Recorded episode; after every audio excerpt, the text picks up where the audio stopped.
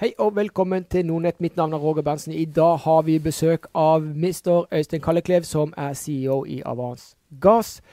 De er aktuelle eh, med Q3-tall. Det skal dagens sesjon handle i stor grad om. Før vi går i gang med spørsmål- og svarrunden, så vil jeg bare minne dere alle på at denne sesjonen ikke skal anses å være investeringsråd. Vårt mål er utelukkende å bli bedre kjent med det aktuelle selskapet Avans Gass i dette tilfellet. Ja, Øystein, skal vi bare hoppe rett i det? Ja. Du har nettopp levert uh, Q3-tall Mm. for uh, Avance Gass. Mm.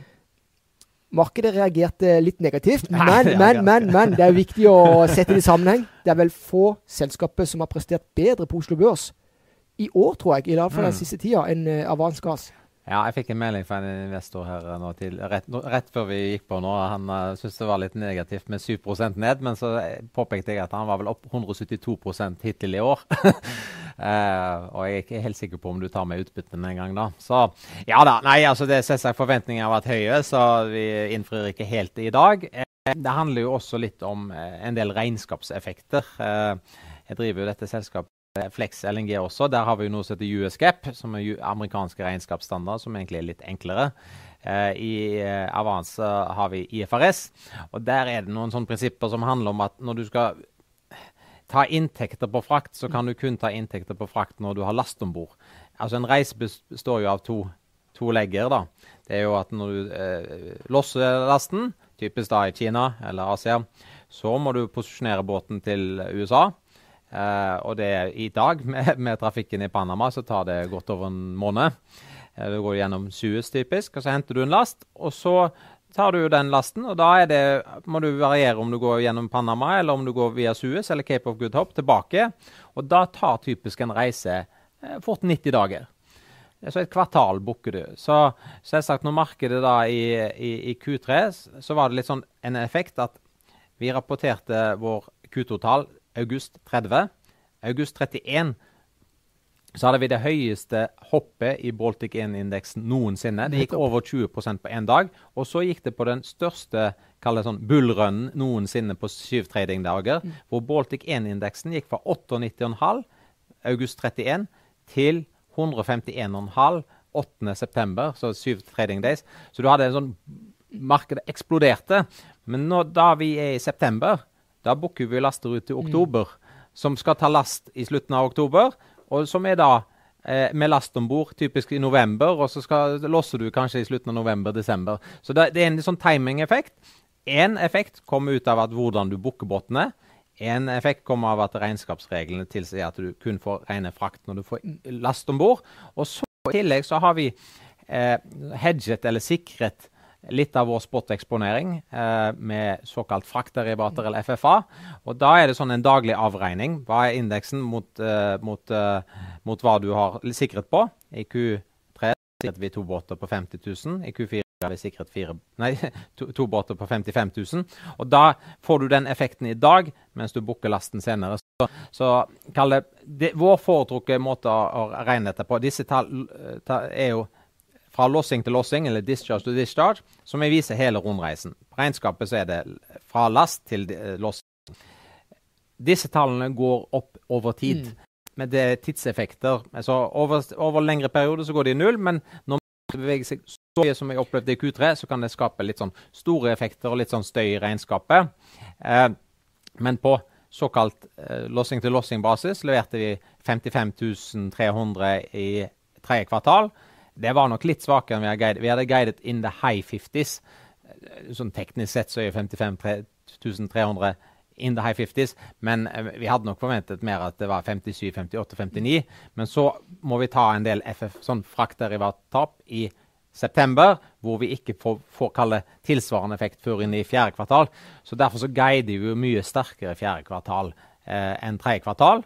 Hittil i år har vel tjent 102 millioner dollar på bunnlinja ved utgangen av tredje kvartal. Så forventer vi kanskje at dette tallet blir rundt 150 millioner dollar når vi gjør opp året. For vi, vi guider jo at den såkalt snittraten da går fra de 55 300 i tredje kvartal til 70 000-75 000 dollar i fjerde kvartal. Og så kan du spørre hvorfor er det ikke høyere når du ser på, på de, på de spot-ratene vi ser i dag. Men vi har jo en litt TC-dekning fortsatt. Så spot-inntjeningen vår forventer vi til å være rundt 90 000-100 000 dollar dagen i fjerde kvartal. Og så er det litt fratrekk for, for de, båtene, de, to båtene vi har sikret på 55 000 for fjerde kvartal. Så alt, uh, summa summarum så, så, er, så, er det nok eh, litt støy med regnskapene akkurat i dag. Vi tjener kun 30 millioner dollar i kvartalet, som er nok litt svakere enn de forventa. Men så kommer vi til å tjene betydelig mer i fjerde kvartal. Når vi booker reiser nå i USA, så booker vi stort sett i vinduet fra julaften til nyttårsaften. Så det vil si at vi henter lasten i slutten av året, og så reiser vi inn, godt inn i, fjerde, i, første kvartal neste år, så vi sikrer sånn sett frakt på, på gode nivåer inn i, inn i neste år. Så, så, så, sånn sett så ser utsikten også bra ut for Q1. Så det, det er litt viktig å være klar over nå. Når reisene, reisene, blir såpass lange, så får timingeffekten litt mer å si. Nettopp. Så det betyr at det forteller litt om dynamikken i industrien. Uh, det er mange faktorer som kan endre premissene på kort sikt. Mm. Det er det ene. En annen ting altså dette her med El Niño, eller hva heter det, El Niña, eller disse her ja. væreffektene. Altså, ja. Hvor mye spiller de inn her i Du snakket om Panamakanalen, eller Ja, ja altså det, det, er jo El Niño-år i år nå. Eh, etter det har vært tre år på rad med La Niña, som er faktisk veldig okay. spesielt. Jeg tror bare det har skjedd to ganger før i historien. Så El Niño, altså det har jo da medført mindre regn i Panama. så Hvorfor skal det spille noen stor rolle? Og det har med skipskanalen mm. Panama. Den er lokalisert rett ved USA, som er desidert verdens største LPG-eksportør. Eh, tar du en båt fra Kina via Panama begge veier til USA, så tar det rundt 60 dager.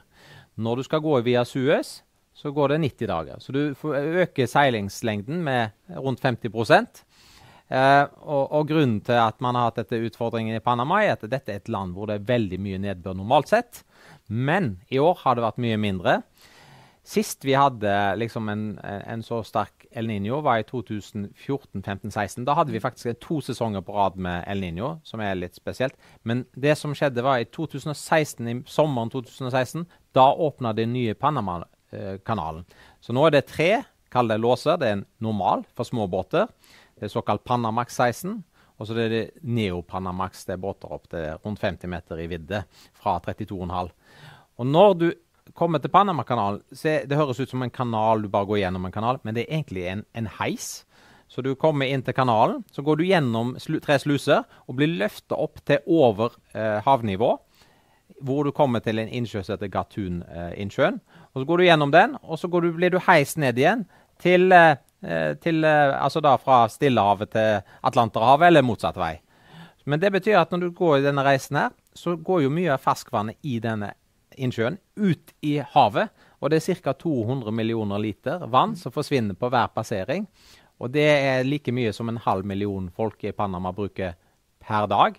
Det er vel bare rundt 3,5 millioner folk i Panama. Så når du har da i, i snitt historisk hatt rundt 40 passeringer gjennom Panamakanalen, så bruker du enormt mye vann. Og dette er jo ferskvannkilden til Panama. Så de har måttet innføre da først begrensninger på hvor eh, dype båtene kan være. Og så nå har de innført ganske strenge eh, restriksjoner på hvor mange passeringer du kan ha per dag. Som har gått fra en peak på rundt 40, eh, som er nå nede på 24 for november. Som skal ned til 18 i februar. Så det er ikke sånn at dette problemet blir over med en gang. Det er bare to måneder igjen av regnsesongen, så man, nå prøver man å bygge opp vannet. Men man bruker mye vann på disse passeringene, så vi forventer jo å ha en situasjon i Panama i lang tid framover her, hvor eh, det vil være restriksjoner på passeringer. Og de båtene som blir da priset ut av kanalen, er primært VLGC-er, altså store LPG-skip. Containerskipene vil få forrang. De kan betale mer for å passere. De har en mer verdifull last. LNG-båtene blir prioritert foran VLGC, for en LNG-last er også verdt mer. Uh, og Det betyr at VLGC-ene må seile lengre distanser. I juni-juli så var det ti båter som gikk fra Asia til USA eh, via Suez eller Cape. I dag er det 50. Så det betyr at seilingsdistansen er trukket ut, og det er også en forklaring til at du får mer timingeffekter i, i regnskapene. Nettopp. Interessant. Det var jo, Da fikk vi jo litt ekstra eh, hva, hva, skal vi si, Det handler vel om ikke biologi, men naturfenomen og, og, hvilken innvirkning det har på, mm. på utrolig mye. Mm, er, på handelsen så er det enorm påvirkning. Jeg har lyst til å snakke litt om styrken deres i markedet. Altså, Hvor, hvor store og sterke er dere som altså, Har det noe fortrinn? Det er det ene. Kanskje, kanskje ikke. Men Men gitt det, uansett, hva, hva er hovedfokuset for å holde posisjonen? Kanskje, kanskje bli enda større? Er, er, det noe, er, det noen plan om det? Hmm. Ja, altså, I motsetning til Flex, hvor vi bare begynte å bygge en helt ny flåte, så har vi heller i Avans gått gjennom det som jeg vil kalle mer en flåtefornyelse. Vi har begynt med litt uh, eldre skip, og så har vi nå prosess hvor vi fornyer flåten ganske raskt. Så i 2021 eh, 22, ja, 21, så solgte vi eh, to båter. Så solgte vi én eh, båt i fjor. Nå har jeg telling her snart. Ja. jeg solgt tre båter. Så har vi annonsert salg i juli fra Iris Glory. Det var en båt som vi kjøpte i selskapet i 2010 for 70 millioner dollar. Nå har vi tredet den i snart 14 år. Solgte den for 60 millioner dollar. Den båten tar nå sin siste Han, han holder på å losse på sin siste lass, reise på et uh, toårssatte parti uh, med indisk befrakter. Så skal vi kjøre den én gang i spotmarkedet for én reise, før vi leverer den over til nye eiere, sannsynligvis på nyåret neste år. Så Der genererer vi en profit når vi booker den båten på salg på 22 millioner dollar. Da har vi bare én gammel båt igjen, som er eh, søsterbåten Venus Glory, som er en litt bedre båt. Den dokket vi nå i september. Den har sin siste reise på et års parti. Så den også kommer vi til tredje spot inntil vi kommer til Selland. Så da har vi blitt kvitt våre 2008-9-båter. Da har vi igjen åtte båter fra 2015 som er ekobåter som bruker mindre fuel. Eh, og seks av de er skrubber. De i skrubber de kjører vi i spotmarkedet. Eh, de to med uten skrubber har vi på TC. Så har vi en ny generasjon båter. Seks dual-fuel VLGC-er. Disse er jo mer som en LNG-båt, for her kan du spise av lasten. Riktig. Du kan ta større last, og så kan du spise deler av lasten som drivstoff. Og det er mye billigere enn uh, en lov, lovsvavelfuel. Og så i sommer så gjorde vi en flåtefornyelse til. Det var at vi gikk ut og bestilte fire LPG ammoniabåter, som er såkalt midsize gas carriers. Så vi bestilte fire av disse på en, jeg var en veldig attraktiv pris, hvor vi da bruker den profiten vi får for å selge de gamle båtene, til å resirkulere den kapitalen inn i fire moderne båter som kan trede både LPG, ammonia, eh, og så bli levert i perioden 25 26. Så det er, en, det er en sånn dynamikk vi gjør eh, for å hele tiden eh, fornye flåten. Og så har vi samtidig veldig gode salgspriser nå for eh, andrehåndstonnasje. Du, Hvordan fungerer det egentlig? der? Altså, er, det, er det verftene som kommer og sier at nå har vi masse ledig, vil du bestille en båt nå? Eller er det, er det, er det, er det skipseier som, uh, som initierer? Det er litt begge deler. Vi har jo jevnlig kontakt med alle ja. de store verftene bare for å høre hva som skjer. Teknologi, slåtter etc. Og så har vi jo selvsagt eh, dialog med meglerapparatet, mm. som også har kanskje dialog med verftet. Uh, og så drar vi jo gjerne på tur selv og sjekker og går, er på, på, bakken der for å høre med de. Uh, og så er det jo liksom å okay, forhandle seg fram til ulike kalle, uh, avtaler og se om det er noe som passer, og, og, om det er en pris som er fornuftig. vi har jo som sagt disse nye båtene våre, VLG-scene. Uh, Dualfuel VLG-scene. Der tok vi levering av to i fjor, to i år. Og så har vi to som har blitt sikkert å bli levert neste år. De bestilte vi på 80 millioner dollar. Nå begynner folk å bestille tilsvarende båter på med, rundt liksom 120 millioner dollar eh, for levering i 6-27. Mm. Så der har jo prisen på de båtene har jo eksplodert. Mm. Eh, på samme måte som vi har sett i LNG f.eks. Så, så, så vi føler vi har bestilt båter på rett tidspunkt. Og de MGC-ene vi har bestilt nå, de er vi eh, sikre på at det er in the money. Mm. Men altså, er det alle disse segmentene uh, innen shipping uh, Er levetiden på, hver, på disse båtene lik, eller hva, hva, hva, er det som representerer en gammel båt, eller mm. en ny båt, eller en Nei, det varierer jo litt. sånn På tanke er det generelt en kortere levetid. Okay. Har, den, jeg bare lyst til å bruke eksempelet LNG og tank, da, sant? for der har du veldig stor forskjell. Sånn Typisk tank 20 år, kanskje noen som trer det over. LNG 40. Hvorfor har to båter så forskjellig levetid? Det handler om et par ting. På olje så har du det som heter på norsk specific gravity. Dvs. Si at det, vekten per kubikk er mye høyere av lasten. Så det vil si at når du har et, en båt som har en last, en viss størrelse, så når, hvis det veier mer, så vil det jo dermed være mer kalde påvirkning på stålet i båten. Sant? Det vil uh, ha en større belastning, da. Eh, så hvis du ser f.eks. På, på vann, det har en specific gravity på 1. Ketsjup har jo over én. Og så har du eh, olje ca. på 0,85. Hvis du tar LNG, som er, LNG, som er eh, naturgass som er komprimert 600 ganger, så har det fortsatt en såkalt spesifikk gravity på 0,45 til 0,5. Så det vil si at en last veier mye mindre. En, en LNG-last på en båt er kanskje 85 000 tonn. En uh, Suezmax som er en tilsvarende st stor båt, så er jo vektene kanskje 160 000 dødvekt. Så det er en begrensning.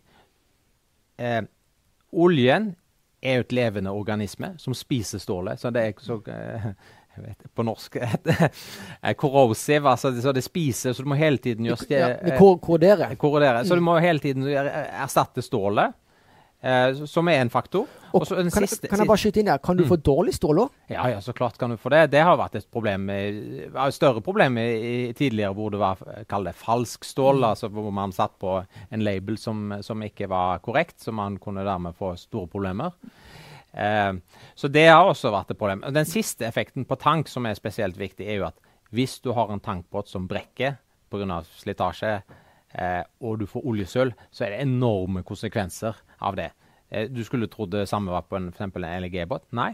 Hvis en LNG-båt går ned, det har ikke skjedd, da ville lasten blitt varmet opp, og stort sett alt ville ha Eller alt ville ha bare eh, eh, gått over til damp. Eller, så, eh, så, så det, det, det, er jo en grunn til at det er forskjellig levetid på forskjellige skip. Eh, LNG, LPG er jo litt imellom disse tingene her, eh, mellom tank og, og, og LNG. Og Der er typisk levealder 25 år, men du har båter som seiler langt over det.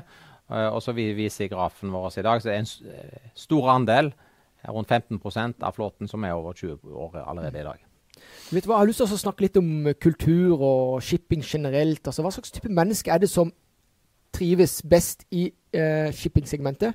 For da vil jeg anta at du må, du må jo håndtere store svingninger. Mm. Eh, vil jeg anta. Eh, du må være kanskje god til å bygge relasjoner, opprettholde relasjoner. Eh, hvordan, hvordan er kulturen hos dere? Ja, det var et godt spørsmål. Nei, altså, shipping er jo et ekstremt internasjonalt industri. Mm. Eh, og mot alle forutsetninger eh, på mange måter i forhold til politikk og sånn som det, så har vi klart å bygge opp et veldig bra shippingcluster her i Norge. og Avhengig av hva statistikk du ser på, så er Norge den fjerde største flåten i verden, eller femte største. Så, og Det handler jo med historikk, at man har hatt et shippingcluster i Norge i, i lang periode. Uh, og det er jo ekstremt viktig å ivareta, for uh, det er jo ikke bare liksom redere. Rederne skaper jo behov for meglere, mm. forsikring, advokater, bank finansiering, et, eh, klasseselskaper, teknologileverandør etc. Eh, så det er jo én dimensjon. Eh, en annen ting er jo at hvis du skal liksom holde på med shipping, så er det en veldig personlig mm. eh, forretning. Vi har ikke erstattet folk med ChatGPT, foreløpig i hvert fall. Så jeg vil si at du må jo være mye på reise, treffe kundene, bygge relasjoner. både mot, Litt avhengig av segmentet. På LNG er det jo mer et et, et mer sånn eh, fokus på å ha en kunde, eh, kundefokus direkte. I eh, f.eks. LPG er det jo mer eh, lastene drevet av et meglerapparat som er veldig likvid på, på, på laster. Så gjør at det, du må også ha en god relasjon med de ulike meglerne som, som får, uh, får, oppdrag. Uh, og så er det jo selvsagt at Finansiering er jo globalt. Uh, for Avanza finansierer vi jo noe finansiering her i Nord-Europa. da, Stort sett skandinaviske og nordeuropeiske banker. Men så finansierer vi en del av flåten i Asia. Både Japan og Kina. Mm. Så da må man ha relasjoner til de, og man kan ikke bare gjøre alt det, det på Teams. Uh, og så er det jo selvsagt avhengig av segment. altså For Avans er det jo et, et, et, primært et spotorientert rederi. I, i tredje kvartal så hadde vi vel ca. to tredjedeler spot og en tredjedel eh, TC. Så øk, kommer vi til å øke spot-eksponeringen vår eh, framover. Eh, det har jo vært en del bekymringer rundt 23 i forhold til sterk flåtevekst. Og så har jo den sterke flåteveksten blitt utlignet av Panama-kaoset. Og, og, heldigvis så vil Panama-kaoset fortsette en stund framover, som gjør at vi kan få liksom glattet ut den flåtevekstsituasjonen. Eh, men det betyr at vi har jo inntjening som svinger veldig mye. Man må jo være forberedt på at, eh, at det kommer nedturer. Det, tror jeg de fleste som i shipping vet. Men så må man også være forberedt på at man, når markedet kommer, så må man være til stede og tjene penger. For hvis man er i markedet når bare i dårlige tider i shipping, da lever man ikke lenge. Men egentlig så er det sånn, det er en god skole å gå for den yngre garde blant investorer, det er jo å være altså i shipping, for der skjer det så mye. Det er håndfaste ting. Mm. Eh, det er cashflow, eh, Ja. det er utbytte. Så Ja. du har jo mange av disse Ja. eh, effektene. Du vet hva, Vi har vært gjennom masse spennende, masse interessant. Jeg tror vi setter strek for denne gangen, Øystein. Og så får vi høre hvordan det gikk i fjerde kvartal når vi kommer over nyåret. Ja. Så Supert, det. Ja. Takk skal du ha. yes, ha det bra.